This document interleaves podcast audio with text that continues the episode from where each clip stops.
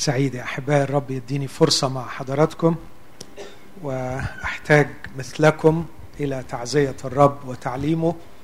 وأثق أن الرب الذي منحنا هذه الهبة هبة الكتاب المقدس وهي هبة عظيمة قادر بنعمته إنه يخرج لنا منها الطعام والتعليم الذي نحتاج إليه. أنا على قلبي أشارككم قصة عزيزة جدا على قلبي وأعتقد أنها عزيزة على قلب كل مؤمن. مشية الرب مشيته الحلوة مشواره الحلو مع تلميذي عمواس. مشوار جميل قطعه الرب مع هذين التلميذين. قصة وردت في إنجيل لوقا أصحاح 24 أبدأ القراءة من عدد 13 وإذا اثنان منهم كانا منطلقين في ذلك اليوم. إلى قرية بعيدة عن أورشليم ستين غلوة. اسمها عمواس. وكانا يتكلمان بعضهما مع بعض عن جميع هذه الحوادث. وفيما هما يتكلمان ويتحاوران. اقترب إليهما يسوع نفسه. اقترب إليهما يسوع نفسه وكان يمشي معهما. ولكن أمسكت أعينهما عن معرفته. فقال لهما ما هذا الكلام الذي تتطارحان به وأنتما ماشيان عابسين؟ فأجاب أحدهما الذي اسمه كليوباس وقال له هل أنت متغرب وحدك في أورشليم؟ ولم تعلم الأمور التي حدثت فيها في هذه الأيام؟ فقال لهما وما هي؟ فقالا المختصة بيسوع الناصري الذي كان إنسانا نبيا مقتدرا في الفعل والقول أمام الله وجميع الشعب. كيف أسلمه رؤساء الكهنة وحكامنا لقضاء الموت وصلبوه؟ ونحن كنا نرجو أنه هو المزمع أن يفدي إسرائيل. ولكن مع هذا كله اليوم له ثلاثة أيام منذ حدث ذلك. بل بعض النساء منا حيرننا. إذ كنا باكرا عند القبر ولما لم يجدنا جسده أتينا قائلات. إنهن رأينا منظر ملائكة قالوا إنه حي. ومضى قوم من الذين معنا إلى القبر فوجدوا هكذا كما قالت أيضا النساء وأما هو فلم يروه. فقال لهما أيها الغبيان والبطيء القلوب في الإيمان بجميع ما تكلم به الأنبياء أما كان ينبغي أن ي... أن المسيح يتألم بهذا ويدخل إلى مجده. ثم ابتدأ من موسى ومن جميع الأنبياء يفسر لهما الأمور المختصة به في جميع الكتب. ثم اقتربوا إلى القرية التي كانا منطلقين إليها. وهو تظاهر كأنه منطلق إلى مكان أبعد. فألزماه قائلين امكث معنا لأنه نحو المساء وقد مال النهار فدخل ليمكث معهما. فلما اتكأ معهما أخذ خبزا وبارك وكسر وناولهما. فانفتحت أعينهما وعرفاه ثم اختفى عنهما. فقال بعضهما لبعض ألم يكن قلبنا ملتهبا فينا؟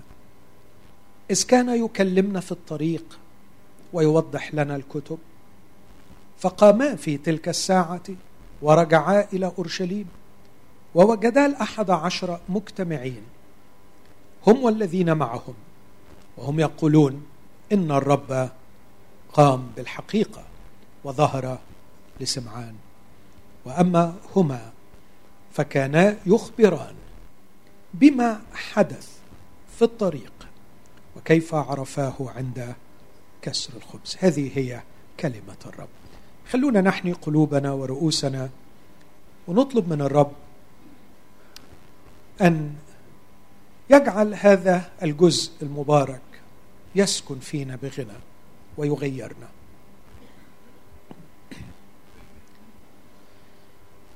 رب الحبيب يسوع نؤمن من أعماق قلوبنا أنك بالحقيقة قد قمت. ونؤمن فعلا بصدق كلامك. إذ قلت ها أنا معكم كل الأيام. ونؤمن من أعماق قلوبنا أنك بيننا الآن كالمعلم وكالراعي المحب لقطيعه ربنا يسوع خرافك تثق في وعدك أنك في مراع خضر تربضنا وأنك ترتب قدامنا مائدة تجاه مضايقينا. نقول لك مع المرنم عن اختبار وتطعمني يداك يا حلو اليدين. تقدم يا رب وافعل ما فعلته مع تلاميذك اذ ناولتهم ناولنا اطعمنا من حقك وتعليمك. آمين. إذا حبيت أختار عنوان للحديث اللي مشغول به أقول حوادث وحدث. حوادث وحدث.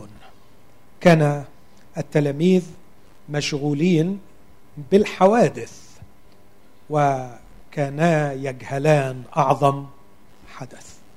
كان الحدث الذي يجل عن كل حدث قد حدث وهو حدث القيامة. كان أعظم حدث في التاريخ البشري قد حدث. لكن للأسف كان التلميذان مشغولين ليس بالحدث لكن مشغولين بالحوادث. فوهم بيتكلموا معاه أو قبل ما يتقابلوا معاه يقول وكانا يتكلمان عدد 14 بعضهما مع بعض عن جميع هذه الحوادث. ومرات كثيرة بيضيع الحدث بيضيع أهم حدث في ضجيج الحوادث. وأنا أعتقد أننا نعيش في هذه الأيام ضجيج الحوادث. حوادث سياسية حوادث اقتصادية. يا ترى مصر رايحة فين؟ مصر ماشية إزاي؟ يا ترى أخبار الدولار إيه؟ حوادث حوادث حوادث حوادث. وفي خضم وضجيج هذه الحوادث يضيع أروع خبر وأعظم خبر عن أعظم حدث. ما هو الحدث الذي حدث المسيح؟ قام بالحقيقة قام. إخوتي الأحباء أنا شخصيا أرفض وبشدة وبشدة أن يختزل حدث قيامة المسيح إلى مجرد فعل حدث في الماضي. قيامة المسيح أعمق وأعظم وأقوى من أن تكون مجرد حادثة عابرة حدثت في الزمان. قيامة المسيح قوة متجددة عظيمة. رأى فيها بولس منهج للحياة فقال هعيش حياتي ما أعملش غير حاجتين لأعرفه وقوة قيامتي. فالقيامة ليست حادثة مهمة حدثت في التاريخ لكن روح الله يخرجها من التاريخ ويجسدها في الحاضر.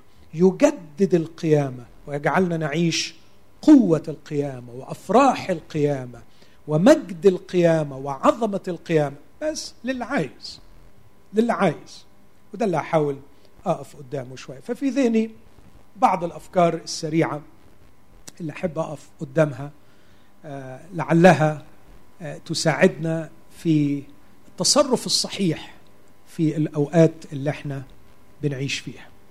الفكرة الأولى اللي على قلبي هي أن هناك حوادث وحوادث مؤلمة وواقع آه، عالمي أو خلينا أقول واقع آه، وطني حدث في ذلك الزمن لهؤلاء التلاميذ.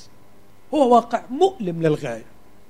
التلميذين دول ما كانوش عابسين لظرف شخصي ولا لسبب وهمي لكن الحقيقة كان هناك كل ما يدعو إلى العبوسة. كانت هناك حوادث هم لخصوها في عبارتهم للرب لما اقترب منهم. وقالوا له هذه الكلمات قالوا له هل أنت متغرب وحدك في أورشليم؟ ولم تعلم الأمور التي حدثت فيها في هذه الأيام في أمور حدثت.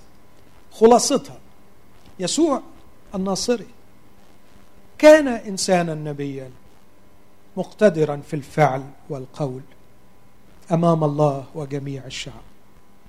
كيف أسلمه رؤساء الكهنة وحكامنا؟ عندهم مرارة تجاه الدين. تجاه السياسة. وعندهم شعور بغياب كل رجاء لأنه الشخص العظيم اللي حبيناه وارتبطنا بيه يتكلما عنه الآن بصيغة الماضي. كان كان إنسانا نبيا مقتدرا في الفعل والقول. ثم يعبران عن خيبة الأمل. نحن كنا نرجو أنه هو المزمع أن يفدي إسرائيل.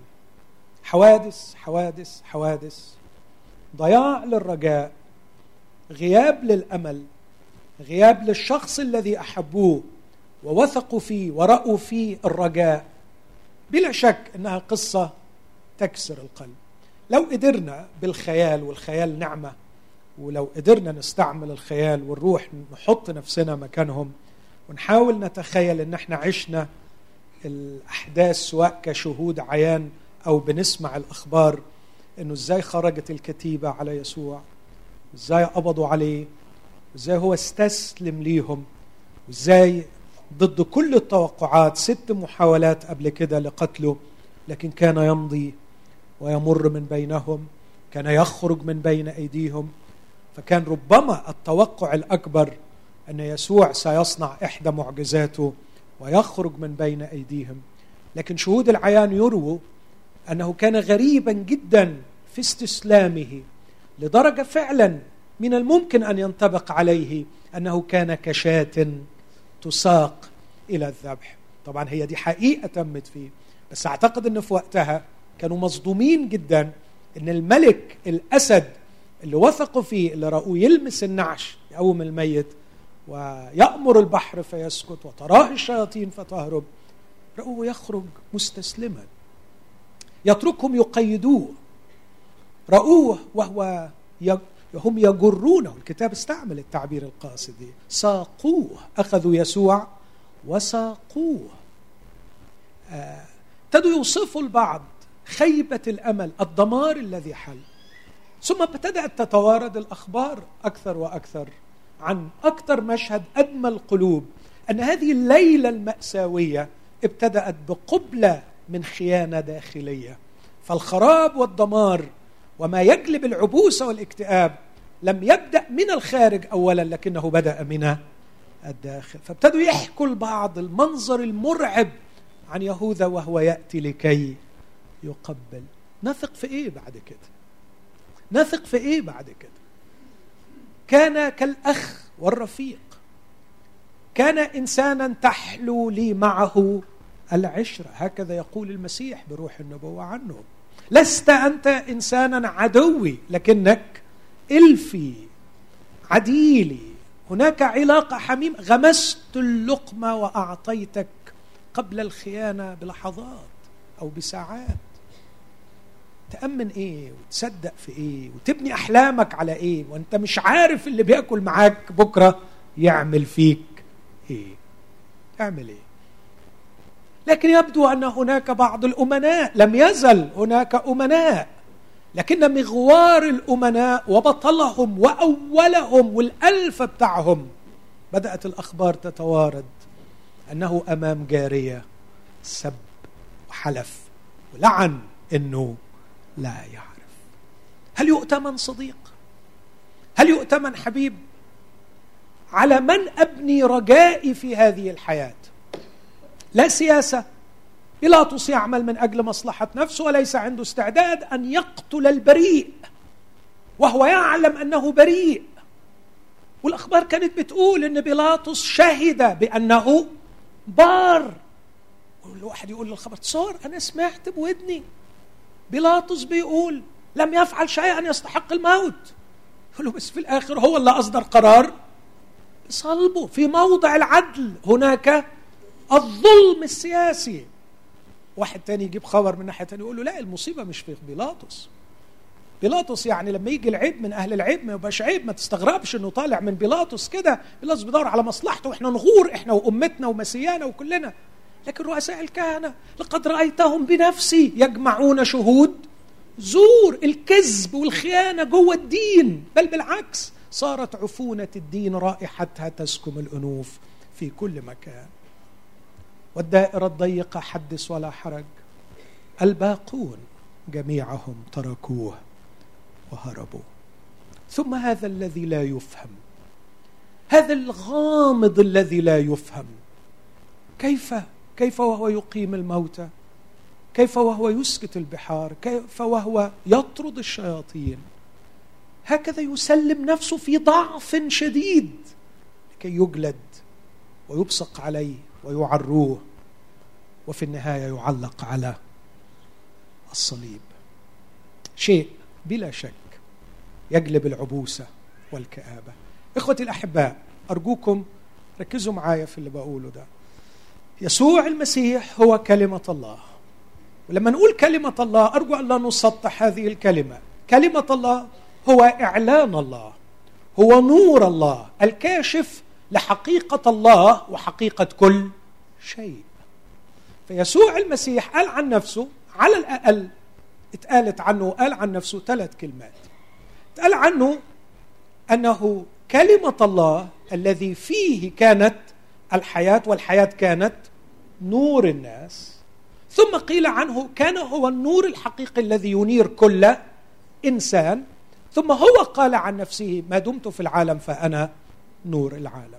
الحياة فيه كانت نور الناس إلى الله. لا يمكن أن يعرف الله. معرفة حقيقية بعيدا عن شخص يسوع المسيح. سيظل الله مجهول. سيظل الله مغلفا بأفكار البشر الحمقاء عن الإله بعيدا عن شخص يسوع المسيح. هو كلمة الله اللي بالحياة اللي فيه كان نور الناس ليهديهم إلى حقيقة من يكون الله. لكنه كمان كان النور الحقيقي الذي ينير كل إنسان أي الذي يلقي بضيائه على كل إنسان فيكشف حقيقته. يسوع المسيح يكشف حقيقة أي إنسان. لكن كمان كان يسوع المسيح هو نور العالم ونور العالم أن يكشف حقيقة العالم. وطبقا لتعليم الرسول بولس الدين هو واحد من أهم أركان هذا العالم. فكشف حقيقة الدين وكشف حقيقة السياسة وكشف حقيقة العالم. والمشهد اللي أنا وصفته من شوية بكل الحوادث المخزية فيه سواء على المستوى الصداقات على مستوى الأحباء على مستوى الخيانة والغدر وال التسليم والبيع والتجارة والظلم وشهادة الزور هذه هي حقيقة هذا العالم.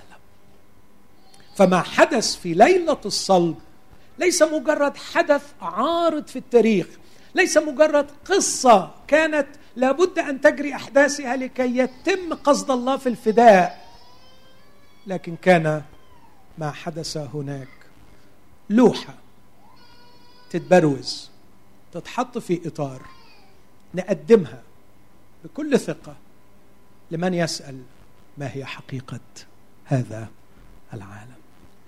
عشان كده يا إخوتي الاحباء لما أقف كتير قدام الصليب الحرب العالمية الثانية ما تخضنيش واللي بيحصل في حلب ما يخضنيش واللي بيحصل في مصر ما يخضنيش. ما يحدث في العالم كشفه يسوع المسيح في ليلة الصليب. هذا هو العالم. هذه هي حقيقته. لا يمكن أن يكون أفضل ولا أرقى ولا أحسن ولا أقل من اللي شفناه في ليلة الصليب. الظلم والغدر والخيانة والشر والفساد والابتعاد والترك مشهد الصليب يصور حقيقة هذا العالم. وأنا أعتقد إنه من الغباء أن نصدم كما صدم هذان التلميذان. دعونا لا نصدم في حقيقة هذا العالم. هذه الحوادث اللي أرجو وأصلي إنها ما تكونش هي ما نتطارح به في الطريق. آمين. أنا أتمنى إنه لو الرب جه زارنا في البيت ما يقول لناش الكلمة دي. أتمنى لو الرب طب علينا وإحنا قاعدين مع بعض أو على الفيسبوك. ما أحبش إنكم تقعدوا كتير على الفيسبوك لكن يعني لو قعدتوا ما تكونش هي دي الأحاديث. ما هذا الذي تتطارحان به وأنتما ماشيان عابسين؟ يا يا للخيبة. عندما تأخذكم الحوادث بعيدا عن الحدث. يا للخيبة عندما تتطارحان بالحوادث بينما أعظم حدث قد حدث. اروع حقيقة صارت واقعا فعليا. يمكن أن نتكلم عنه يمكن أن نتغنى عنه يمكن أن نحاول أن نفهم أبعاده. الحدث العظيم قد حدث. بينما التلميذان يتطارحان بخصوص الحوادث الكثيرة. قبل ما انقل أتمنى انه يكون ده قرار بناخده في محضر الرب.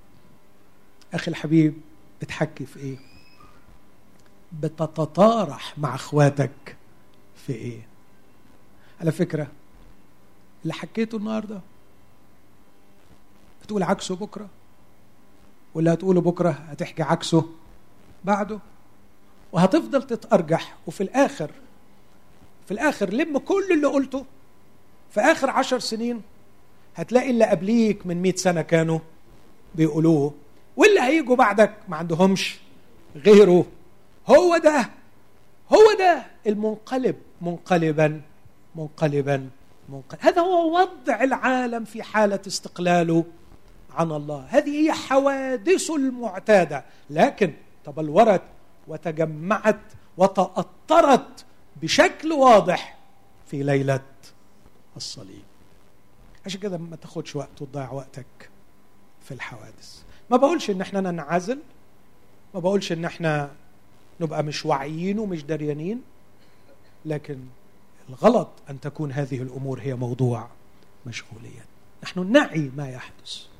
نحن نقرأ ما يحدث. بالعكس نحن نقرأ ما يحدث قراءة أصح من الآخرين. نحن ندرك ما يحدث لكن ما يحدث ليس هو موضوع مشغوليتنا. امال إيه موضوع مشغوليتنا؟ هناك حدث. ما هو الحدث؟ الذي حدث. المسيح قام. أنا مستغرب مش شايفكم بتضحكوا؟ طبيعي مش مشكلة. نادرا ما بشوفكم بتضحكوا بس ممكن تضحكوا على فكرة. وليس الضحك من الخطية ولا الشر. المسيح قام. المسيح قام. يا يا معقول؟ معقول؟ آه. عارفين المزمور بتاع القيامة يقول, يقول له كده في في النهاية تعرفني. سبيل الحياة. أمامك أمامك شبع سرور. في يمينك نعم pleasures pleasures. في يمينك متع إلى الأبد. إيه اللي حصل؟ إيه اللي جرى إيه الخبر في مزمور 16 اللي بيخلي أمامك شبع سرور؟ في يمينك نعم إلى الأبد. تعرفني. إيه اللي حصل؟ اللي حصل في مزمور 16 لن تدع تقيك. يرى فساد. لن تترك نفسي في الهاوية ولن تدع تقيك. يرى. هللويا المسيح قام. ولأن المسيح قام هناك خبر عظيم يحتاجه الشعب من حولنا يحتاجه الناس من حولنا تحتاجه مصر من حولنا. المسيح قام. المسيح قام. هذا هو الخبر هذا هو الحدث. إحنا مش بنحكي عن عقيدة. إحنا مش بنحكي عن مفهوم مسيحي. واخدين بالكم من اللي أقصده أحبائي؟ يعني لما أفحص ديانة بوذا ألاقيها تقوم على عقيدة أن هناك ألم في الحياة. لكن هذا الألم هو وهم كبير لأن سببه هو الرغبة في داخلنا. وعندما نستأصل الرغبة في داخلنا ينتهي الألم من واقعنا. واستئصال الرغبة يأتي بالاستنارة والفكر. كل دي عقيدة مفهوم. ممكن تجربه ويطلع صحيح وممكن تجربه ويطلع غلط. خد أي ديانة تانية بدون ذكر أسماء منعا للمشاكل. بتقوم كلها على ها فكرة. مثلا فكرة عن طبيعة الله. الله إيه؟ ها واحد مثلا. الله واحد. فكرة. عقيدة. ممكن تبقى صح ممكن تبقى مش صح. فكرة. بس المسيحية مش مبنية على فكرة. المسيحية مبنية على حدث. في شيء حدث. في شخص دخل القبر. وقام. حاجة تقدر تلمسها. حاجة تقدر تمسكها. أنا لما آمنت بالمسيح آمنت بالمسيح الذي فعل والذي يقدر أن يفعل في حياتي. فكما قام من الموت يستطيع أن يغيرني. يستطيع أن يدخل إلى حياتي ويحدث ذات الفعل الذي فعله. عشان كده عندنا اختبار رائع جدا. إن كنتم قد قمتم مع المسيح. نحن لا نبشر بعقيدة. نحن نبشر بشخص يحدث فعلا. كثير كنت أعرف الإنجيل وكنت أقول الإنجيل ليس كتاب. علشان كثير من أحبائنا فاهمين إن الإنجيل هو كتاب. الإنجيل ليس كتاب. لكنه خبر صار يملأ صفحات كل الكتاب عن حدث قد تم في الماضي وما زال يحدث في الحاضر. ده تعريف للإنجيل. خبر صار عن حدث عن فعل قد تم في الماضي ولكنه يحدث أيضا في الحاضر. عندما تقبل هذا الخبر. ما هو الخبر؟ ما هو الإنجيل؟ أن المسيح مات من أجل خطايانا حسب الكتب وأنه دفن وأنه قام في اليوم الثالث حسب الكتب وأنه ظهر ليبرهن أنه قام من الأموات. ومن يقبل هذا المسيح المقام يدخل المسيح إلى حياته لا لكي يضيف إلى عقائده عقيدة أو لا لكي يغير عقائده الخاطئة إلى عقائد صحيحة لكن المسيح يدخل إلى الحياة لكي يخلق إنسانا جديدا. يخلق شخصا جديدا يقيم أخلاقا قد ماتت. يقيم روحا قد ماتت. يقيم كيان بشري قد مات. يقيم إنسانية قد أهدرت. يخلق إنسانا جديدا. الحدث هو أن المسيح قد قام. الحقيقة وأنا داخل الاجتماع ما كنتش ناوي أتكلم على الموضوع ده. وكانت في ذهني وعظة تاني خالص. هقول لكم عنوانها وأنتم بدرسوها في البيت. بس تذكرتها دلوقتي لأنه حاسس إنها في تمام المناسبة. أعتقد إنه يعني صعب يبقى مسيحي اللي ما درسش رسالة روميا.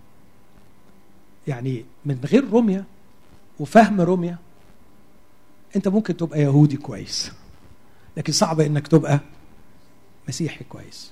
لأنه بولس كان واضح جدا إنه في رسالة روميا هو بيشرح الإنجيل. فرساله روميا هي رسالة الإنجيل. وهو قال يا جماعة أنا مفرز لإنجيل الله. وتخ... والإنجيل ده هو اللي الله وعد بيه بأنبيائه في الكتب المقدسة. خد كده روميا وامشي بس على سبع مرات تذكر فيها قيامة المسيح في هذه الرسالة. واتفرج يا حبيبي اتفرج على العز والعظمة والغنى والحرية والنصرة والبركة والخدمة والعبادة الحقيقية كلها بولس يبنيها على حقيقة قيامة المسيح. المسيح قام. المسيح قام. أذكر بس أول وثاني آية فيهم. رمية واحد. المسيح من هو المسيح؟ هو هذه الأعجوبة والأحجية. هو الله وهو إنسان. فيش أي صعوبة إنك تثبت إنسانيته. عندناش أي صعوبة. لو انت عايش في الوقت ده تقدر تتأكد بطرق قانونية شرعية إن هذا الشخص إنسان وكمان تجيب سلسلة نسبه. عشان كده يقول الذي صار صار حلوة صار صار من نسل داوود بحسب الجسد. أنا بقول لك نسبه وروح دور روح افحص السجلات. هتلاقي فعلا من نسل داوود. عايز تاخده من الناحية البيولوجية؟ مريم أمه التي حبل به فيها من الروح القدس من نسل داوود عايز تاخده من الناحية القانونية الشرعية وتبحث في السجلات المواليد روح هتلاقيه ينتمي شرعيا وقانونيا إلى يوسف ويوسف هو ابن داوود فمن الناحيتين عايز تاخدها بيولوجيا عايز تاخدها قانونيا هو من نسل داوود بحسب الجسد. لكن هذا الشخص وده الأهم ليه جانب تاني. هو ابن الله. بس ما يقولش صار ابن الله. تعين ابن الله. تبرهن ابن الله. تأكد أنه ابن الله. بإيه بقى؟ عايز تتأكد من نسوته روح افحص وتلاقيه من داود بحسب الجسد. لكن عايز تأكد من لاهوته قيامة من الأموات تبرهن إنه ابن الله. كم أحب هذا الشخص وأخشع أمامه. يا في يوحنا عشرة كان بيديهم خبطة ورا خبطة فوق دماغهم مش قادرين يفوقوا من اللي بيقولوا. يقول لهم أنا لي سلطان أن أضعها ولي سلطان أن آخذها. أيضا هذه الوصية قبلتها من أب. مين أنت؟ تجعل نفسك مين؟ أنت مين؟ أنا والآب واحد. يوحنا عشرة يتكلم عن هذا البرهان الذي كان عتيدا أن يقدمه الذي يؤكد صحة مزاعمه من جهة حقيقة من يكون هو هو ابن الله. كيف برهن؟ أنه ابن الله. لي سلطان أن أضعها ولي سلطان أن آخذها أيضا. ليس أحد يأخذها مني أضعها أنا من ذاتي وأنا اللي اقوم من الأموات. صحيح الآب أقامه والروح أقامه لكن أكثر من مرة هو يؤكد أنه هو أقام. نفسه من الأموات ليبرهن أنه ابن الله. فنحن نتعامل مع ابن الله. لكن امشي لرمية أربعة خمسة وعشرين. بولس يختم حديث جميل يلخص باختبار خلاصنا.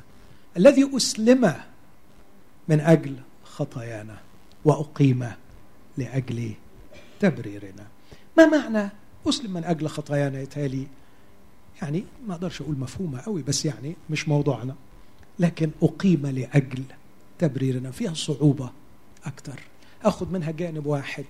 أقيم لأجل تبريرنا. دخل الرب يسوع المسيح إلى هذا العالم وعاش بحياته الإنسانية الجميلة كالإنسان الثاني. عاش يمتحن بكل أنواع الامتحانات. كم مرة سقط؟ ولا مرة. حلو يسوع؟ في كل حين أفعل ما يرضيه يا وجبة شهية من المتعة واللذة والسرور يتناولها الله كل يوم وهو يراقب حياة يسوع. ياخذ كده وياكل ويشبع.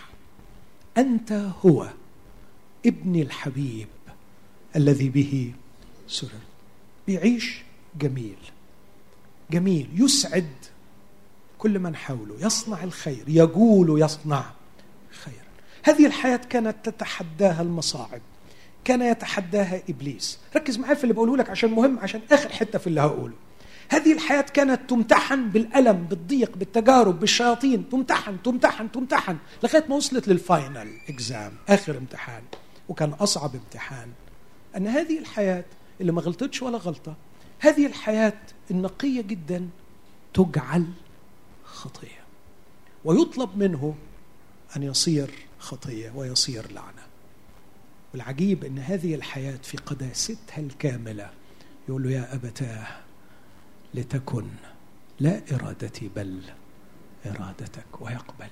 وهنا تدق أجراس السماء انجاز لي أن أقول معلنة نجاح الإنسان الثاني الرب من السماء. نجح نجاح بها. أطاع حتى الموت. موت الصليب. دخل إلى أصعب امتحان ونجح نجاحا باهرا. وطلع من القبر بالقيامة من الأموات. طالع اسمعني اسمعني اسمعني. ومليان بحياة نجحت. بعدين راح نافخ فينا واداها لنا على الجاهز. فالحياة اللي خدناها منه حياة شكلها إيه؟ ناجحه حياة حتى مش هتعدي على أي امتحانات. حياة خدناها على الجاهز. هذه الحياة اللي اخذناها من المسيح. الناجحة هي سر تبريرنا أمام الله. علشان كده يسميه في روميا خمسة. اسم غريب قوي. يقول تبرير الحياة. يعني تبرير حصلنا عليه بسبب نوعية الحياة اللي امتلكناها من المسيح اللي امتحن وعمل إيه؟ وقام. فأنا النهاردة مش مستني إن الله يمتحني ومش مستني أتبرر ولا ما أتبررش. بعد ما أخذت حياة المسيح أخذت حياة تحوي في ذاتها القبول أمام الله.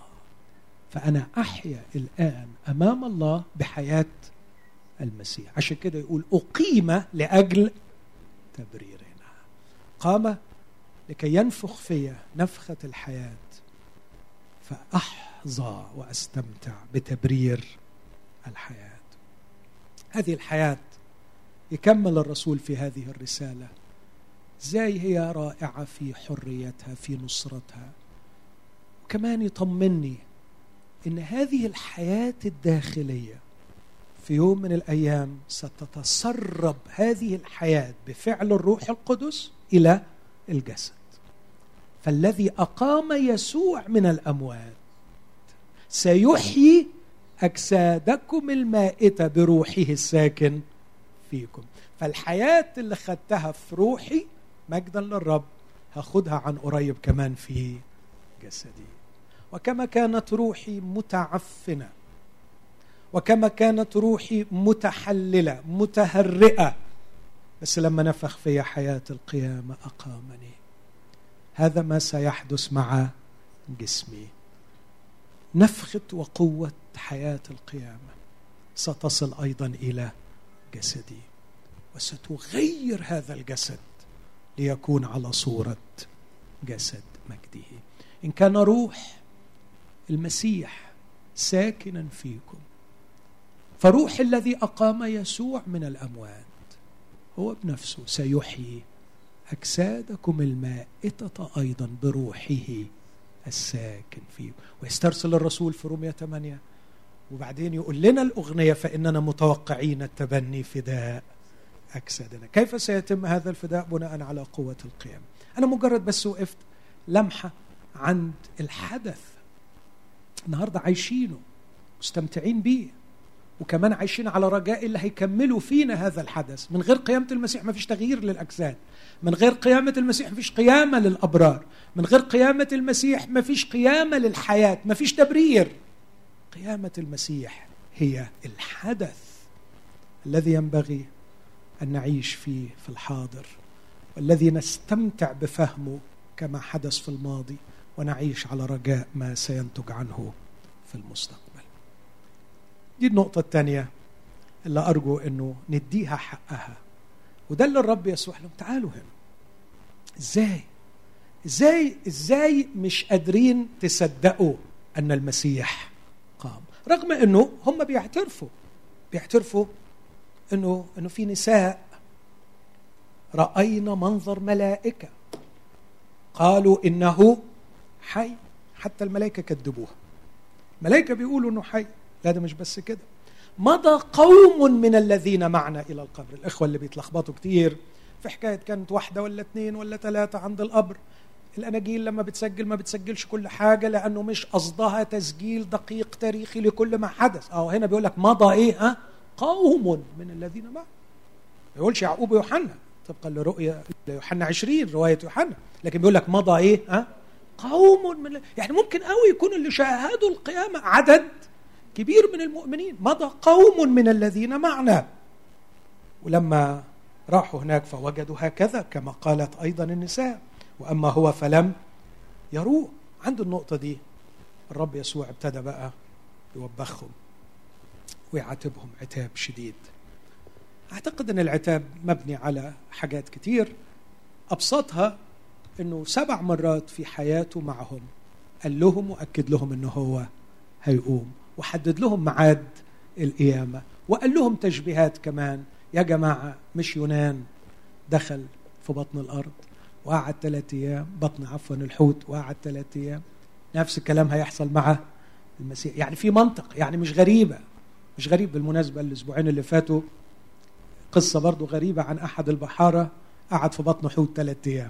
فنشكر رب. يعني القصة عمالة تحدث لغاية 2016 إنه في حيتان بتبلع بني آدمين فالقصة مش غريبة ولا عجيبة. فقال لهم حصلت وهتحصل معايا. لكن الفكرة الثالثة الفكرة الأولى كفوا عن الانشغال بالحوادث. الفكرة الثانية دعونا نطيل المكوث عند الحدث. الفكرة الثالثة أن القصة تمضي بإحكام. القصة تمضي بإحكام. أكثر شيء بيزعجنا يا إخوتي وإحنا بنتأمل الحوادث اللي حوالينا إحساس عميق بإن مفيش حاجة ثابتة ولا حاجة مضمونة. مش كده؟ صح ولا مش صح؟ فعلا.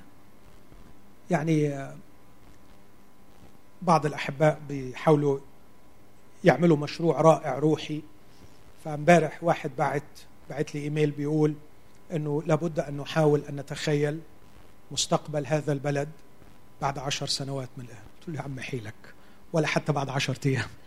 أنت تقدر تتخيل اللي ممكن يحصل فيه حدش يقدر يتخيل. مفيش حاجة ماشية طبقا لقواعد ثابتة. مظبوط؟ مفيش حاجة ماشية اطلاقا طبقا لقواعد تقدر تقول بما أن بما أن بما أن. مش ممكن خالص خالص. إيه ده؟ يعني إحنا عايشين في الهواء كده؟ آه هي دي الحقيقة. عايشين عايشين على رحمته؟ آه هي مش باقيه لنا إلا رحمته رحمته بس على فكرة هي رحمته بس. لكن أوعى أوعى تفكر إن في حاجة ماشية طبقا. طبعا طبعا اللي اسمهم اللي ربنا يعني يقل من عددهم شوية المحللين والمفكرين دول واللي بتاع المؤامرة الفلانية والمؤامرة وهي لا مؤامرات ولا بتاع هي خيابه وعبط وعك وكله ماشي. أي حاجة أي حاجة كله. بس طبعا لأنه الناس عقلها يا حرام مش قادر يقبل إن الدنيا فوضى. فعنده استعداد يقبل إنها مؤامرة أحسن ما يقبل إنها لا هي فوضى. هي فوضى صدقني. هي هي ضيعه كله كله كده فوضى فوضى. هو ده العالم. وهو ده وضعه. بس هقول لك على خبر بملايين الدولارات. في وسط هذه الفوضى توجد قصة تسير بإحكام شديد ما بتخرش المية. قصة عجيبة جدا لدرجة إنه قال اللي ما يفهمهاش يبقى غبي. أيها الغبيان والبطيء القلوب في الإيمان أما كان ينبغي أن يتألم المسيح بهذا ويدخل إلى مجده ثم ابتدأ يفسر لهم جميع الأمور المختصة به في جميع. عارفين؟ عارفين لما الراجل قدم له الخل ما كانش فوضى. عارفين لما الراجل راح يكسر وما كسرش؟ ما كانش فوضى. عارفين لما الراجل ما راحش يطعن وطعن؟ ما كانتش فوضى. عارفين لما لقيوا الثوب منسوج فاستخسروا يقطعوه؟ ما كانتش. دي كانت القصة ماشية بإحكام شديد طبقا لسكريبت مكتوب وكان في واحد مشرف مخرج جبار واقف ماسك السكريبت ومفيش حد شذ عن الدور اللي هو عايزه يلعبه. في مخرج في مخرج مسيطر.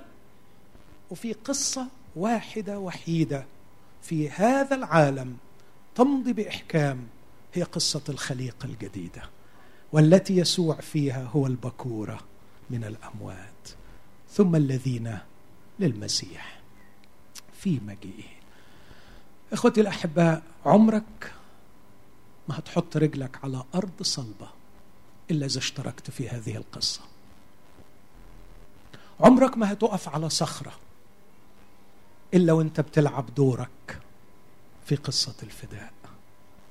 عمرك ما هتشوف حاجة منتظمة إلا في دائرة الخليقة الجديدة حيث الأشياء العتيقة قد مضت. هو ذا الكل قد صار جديد. القصة الوحيدة في هذا العالم التي تمضي كما هو مخطط لها وتسير طبقا لرأي مخرج عظيم ومؤلف كبير وهو يشرف على جميع الأدوار فيها لكي تلعب بإحكام في مواقيتها وبالضبط كما أرادها المؤلف هي قصة الخليقة الجديدة. لو مالكش دور في القصة دي أنت في الضياع. لو مالكش قصه لو مالكش دور في القصة دي أنت فعلا في الهوى. اللي أنت عايش فيه النهارده ما تضمنوش بكرة. واللي ضمنه امبارح اللي كنت ضامنه امبارح النهارده انت مش ضامنه. انت بتعيش في عالم بلا أساس. قصة فوضى كبيرة. لكن في داخل قال واحد كنت أقرأ له بالأمس اسمه كيفن فان هوزر التعبير جميل. يبني الله مدينة الله في وسط خرائب مدينة الإنسان. الله يبني مدينته وسط خرائب مدينة الإنسان. هل عرفت دورك في هذه القصة؟ وهل بتلعب دورك في هذه القصة؟ كان يسوع المسيح يتمشى وسط خرائب اليهودية لكن كان يعرف من أين أتى وإلى أين هو؟ ماض. كان يسوع يهان ويحتقر لكن كان يعرف رسالته ويتممها بفرح.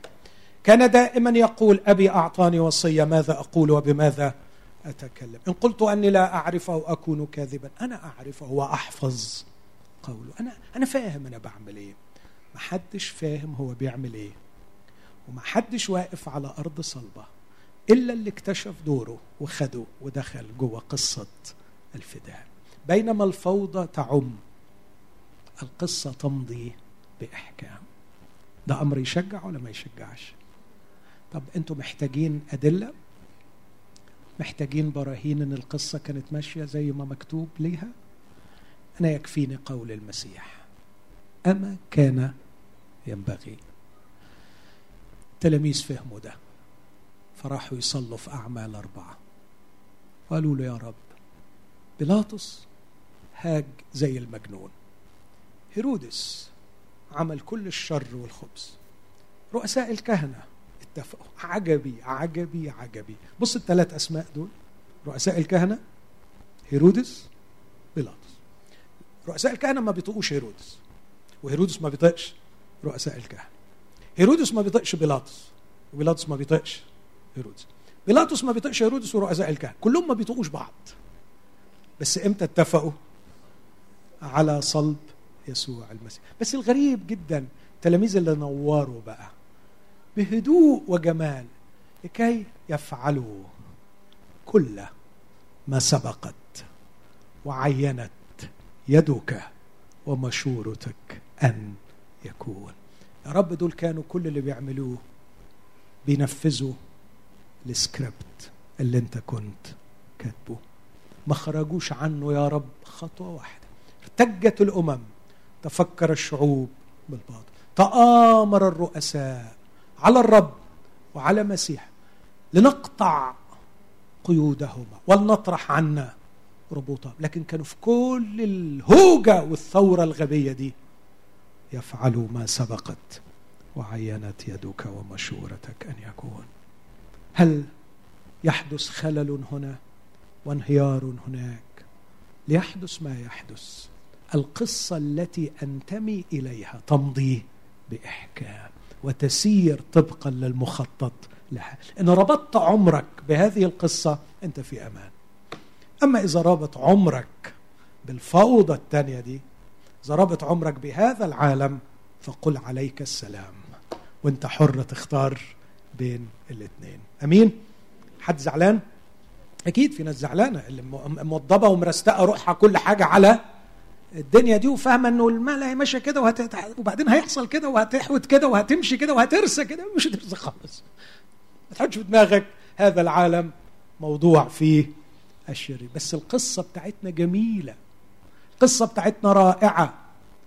تعرفوا الاقتصاد المصري في الخمس سنين اللي فاتوا يعني اتبهدل بهدلة عمره ما شافها. الاقتصاد الإلهي في مصر في الخمس سنين اللي فاتوا شاف عز عمره ما شافه. اللي ربنا حققه من أرباح في الخم... اسألوني عن اللي بشوفه. في الخمس سنين اللي فاتوا ربنا كسبان مكاسب. يا إلهي يا إلهي على مخازنه اللي فاضت بالخير. في بطالة؟ في بطالة. الشغل مع ربنا اليومين دول منين ما تروح تلاقي مطلوب موظفين. عايزين حد يشتغل. عايزين اللي يشتغل. عايزين اللي يشتغل. مفيش بطالة خالص عند ربنا اليومين دول. حتى اللي بيعك بيشتغل صدقوني. صدقوني. حتى العكاك شغال اليومين دول. يعني أوكازيون شغل بس اللي يشتغل اللي يشتغل السياسة ضايعة. بس سياسة ملكوت الله شغالة. أستاذ يا فندم ممشيها تمام. يعرف يعرف يجيب ويجيب ويجيب. كنت أتأمل في شعب العراق العزيز. وأشوف النتائج والحصاد. أدي لك مثل واحد بس. العراق قعد لغاية الغزو الأخير. خمس كنايس إنجيلية. واحدة فيهم مقفولة. ويرعاهم أربع خدام مصريين. والكنائس شبه خالية. ده لغاية 2003 يعني أربع كنائس واحدة مقفولة وأربعة شغالين واللي بيرعوهم خدام مصريين وكنائس شبه خالية. النهارده جوه العراق كنت في اجتماع 100 خادم عراقي. 100 خادم عراقي جوه العراق. غير بقى يا حبيبي روح أي بلد أوروبية تخطر على بالك في عاصمة أو في قرية روح في كندا روح في أستراليا روح في كل بلاد الدنيا تلاقي كنيسة عراقية. إيه ده؟ إيه اللي بيعمله ربنا ده؟ عارف شغله كويس قوي قصته ماشية صح قوي يا فرحك يا اللي حطيت كل استثماراتك في القصة الإلهية. ويا خيبتك. اللي حطيت استثماراتك. في قصة خايبة لا ليها مؤلف ولا ليها مخرج. قاعدين ينظروا لها ويحللوا فيها شوية خايبين مش عارفين يعملوا حاجة. ويا ويلك وظلم ليلك لو كنت رابط عمرك بيها. الفكرة الثالثة بسرعة. الرابعة تأسف. هو على استعداد أن يمشي معنا. كل المشوار. ده اللي بتعلمه من لو 24 واحدة من أجمل الحاجات اللي بتاخد قلبي مرات وأنا بصلي ولاقي روحي بكلمه بهذا الأسلوب. أقول له يا اللي مشيت. مع تلميذي عمواس. أنا ما شفتكش بعناية. هشوفك بعناية في يوم من الأيام. ونفسي أشوفك. بس لغاية ما أشوفك أنا مصدق اللي قريته عنك في الكتاب. اللي أنا قريته عنك في الكتاب لازق في خيالي.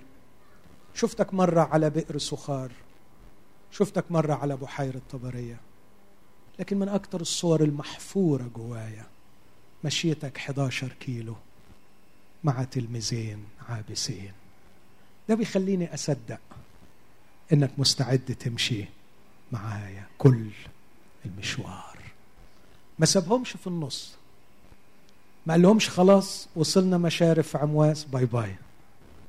لكن وصل معاهم لغاية البيت. هل يمشي معي طول المشوار؟ هل هو على استعداد أن يصحبني؟ هل إذا قلت له قد مال النهار ونحو المساء وحيث تغيب الشمس ويأتي الظلام أشعر كالطفل الصغير بالخوف هل تصحبني هذه الليلة؟ هل تقضيها معي؟ قد استجاب لهم. صار معهم كل المشوار. وعندما قالوا له قد مال النهار نحو المساء امكث معنا. دخل أيضا ليمكث معهم. حلو يسوع. وسط عالم مهتز وسط كل شيء متغير يبقى لي هذا الحق أنه على استعداد أن يصحبني. كل المشوار في الليل وفي النهار في الضيق وفي الوسع في الخوف وفي السلام. لا أؤمن بشيء في هذه الحياة ولم يبق لي شيء أثق فيه. بقي لي هذا الشيء الوحيد أثق أن يسوع معي وسيسير معي كل المشوار. هل سأذهب إلى فراش المرض؟ سيذهب معي. هل سأذهب إلى سجن؟ سيذهب معي. هل سأعيش في وسع أو في ضيق؟ لا يعنيني لأني أثق في شيء واحد أنه معي معي. من صار مع تلميذي عمواس على استعداد أن يسير معي. إخوتي ما كانتش زمان وجبر ما كانتش حادثة وخلصت. إنما سجله الكتاب المقدس. سجله اسمعوني في اللي هقوله فكروا فيه. لا ليكون فقط حقا بل ليكون وحيا. والفرق بين الحق والوحي أن الوحي هو ما اختاره الكتاب المقدس من الحق ليكون نافعا لكل زمان ومكان. لولا أن هذه القصة يمكن أن نختبرها الآن ما كان الكتاب قد سجلها. هذا هو الدرس الذي لنا في لوقا 24 أن يسوع اقترب إليهما يسوع نفسه وكان يمشي معهما. اسأل أي إخوة مؤمنين متألمين. عدوا في الام شده اسأل مجدي شوقي. قول له عديتوا الفترة اللي فاتت في أيام سودة. إيه أكتر حاجة تفتكرها؟ يقول لك إنه هو كان معانا كان يمشي معه. اسأل أي إخوة تألموا. هتبص تلاقي كل حاجة في الآخر تتنسي. ويفتكروا من القصة كلها كان يمشي معنا. مشيته حلوة. مشيته جميلة. مشيته خفيفة. في ناس تمشي معاهم يسموا بدنك. في ناس فعلا تمشي معاهم ينكدوا عليك بس يسوع لما يمشي معاك يخفف عنك. ألم يكن قلبنا ملتهبا فينا؟ حين كان يكلمنا في الطريق ويوضح لنا الكتب. مشيته حلوة مشيته جميلة مشيته فعلا خفيفة الروح. ما يعملكش أي انزعاج في روحك. يسوع ما يعملش أي قلق ما يكبسش على نفسك. ما يضغطش عليك. حتى حبيب قلبي كان نفسه يكمل الحكاية الوعظه ما خلصتش. بس مش عايز يكبس على نفسهم.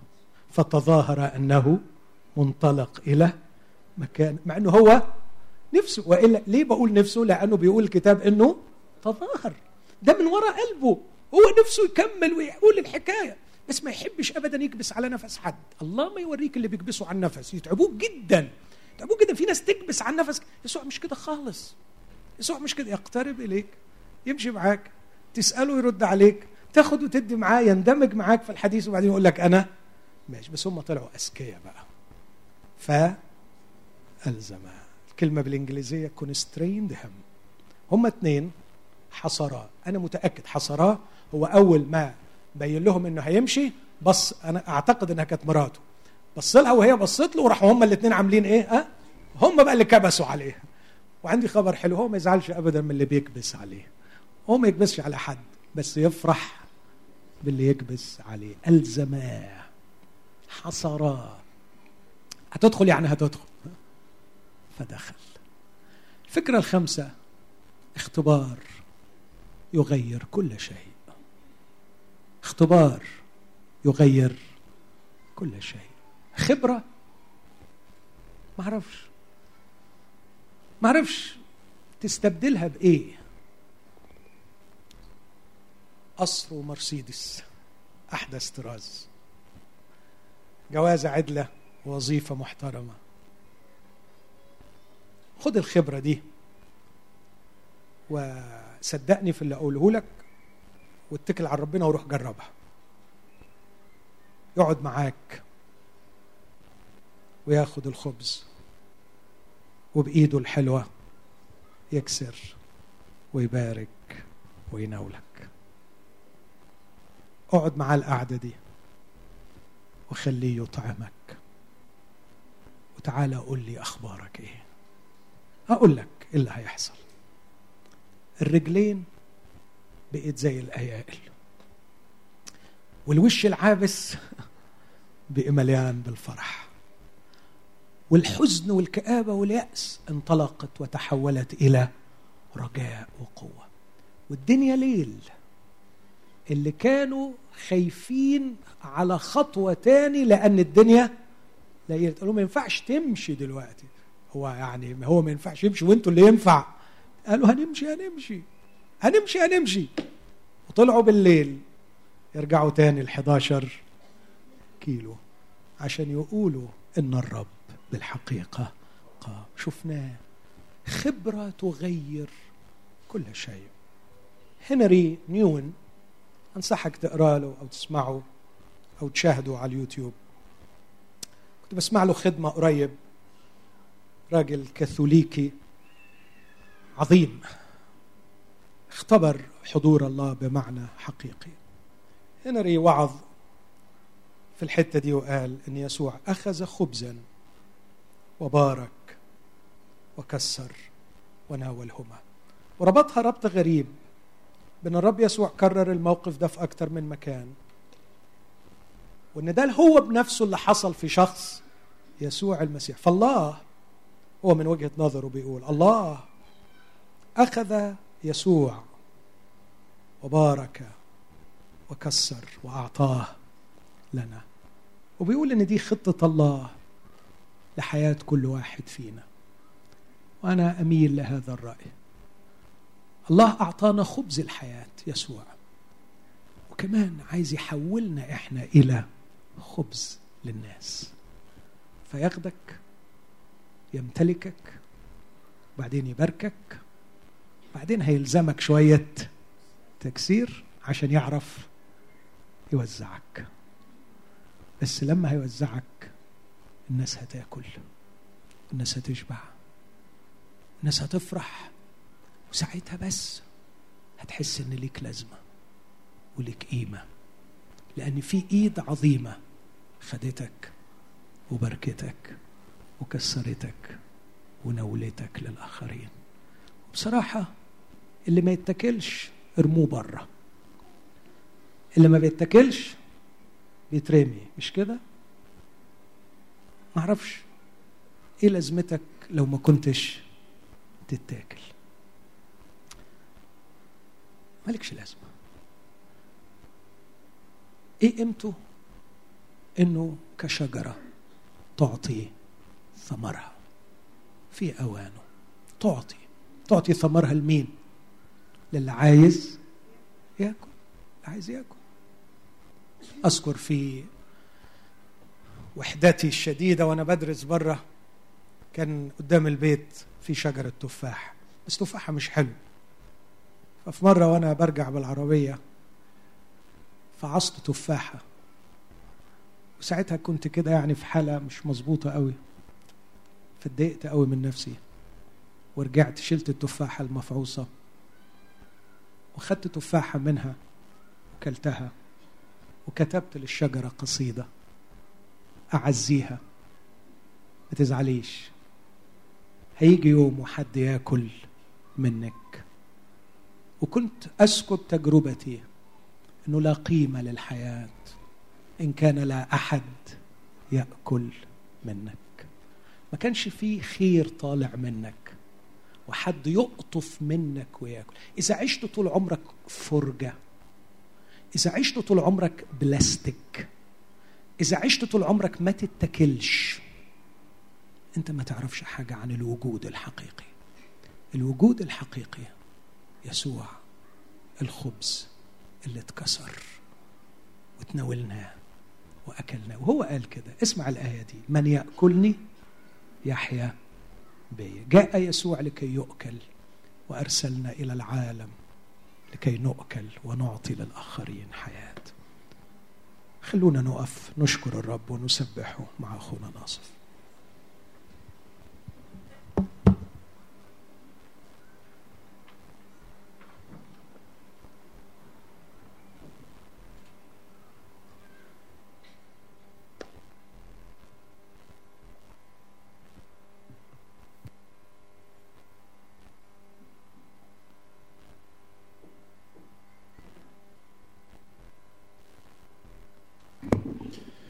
تعالوا نشكره لأن هو ماسك زمام الأمر.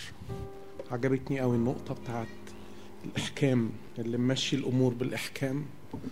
تعالى سبح لأجل أنا عندي أفكار كتيرة بتتزاحم جوايا أرنم عليها لكن عشان الوقت تعالوا نرنم دي وناخد كمان اللي بيقول له يلي بديت الرحلة معايا واثق فيك إنك هتكمل. تعالوا نرنم ترنيمه اللي تقول بالحكمة أنت وحدك ماسك زمام الأمر آخد منها عدد فكر وانت بترنمه كويس كاتبها بيقول له كده اديني عينين تشوفك وتصدق بالإيمان مفيش أمر يفوتك في إيدك. السلطان تعالوا نرنم له ده.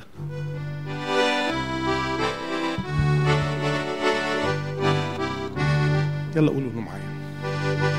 بالحكمة انت وحدك ماسك زمام الأمر. كل الخيوط في يدك وأمين بطول العمر. بالحكمة أنت وحدك ماسك زمام الأمر.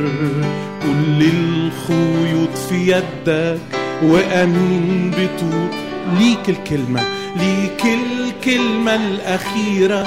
مهما قالوا في كلام عالي وايدك قديرة.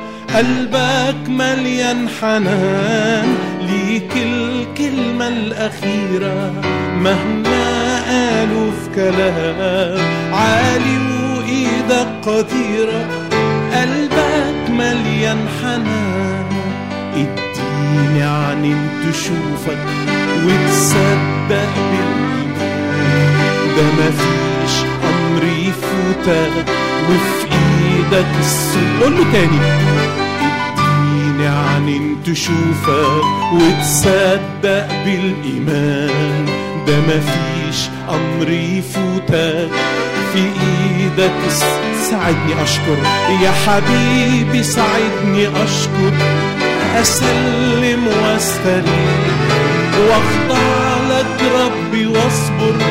أنت حكمك صحيح. يا حبيبي ساعدني أشكر.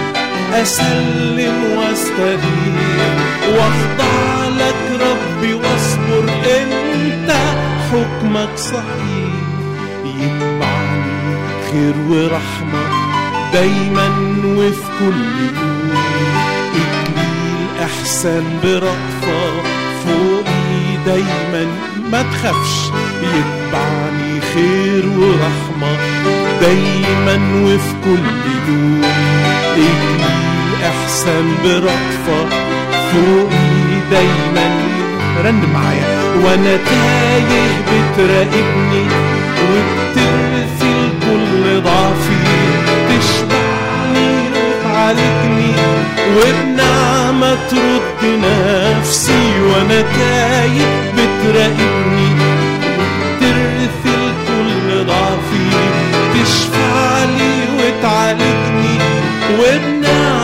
ترد نفسي.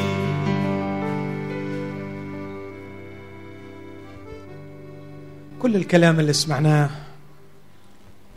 ملهوش قيمة. إذا ما كانش يدخل جوه ويغير فينا صحيح. حط في قلبك معايا. ندخل إلى حجاله. نقعد معاه. وندخل إلى حدث القيامة.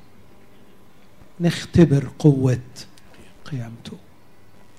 وأقول له هعيش بقوة القيامة وسط الموت اللي حواليا.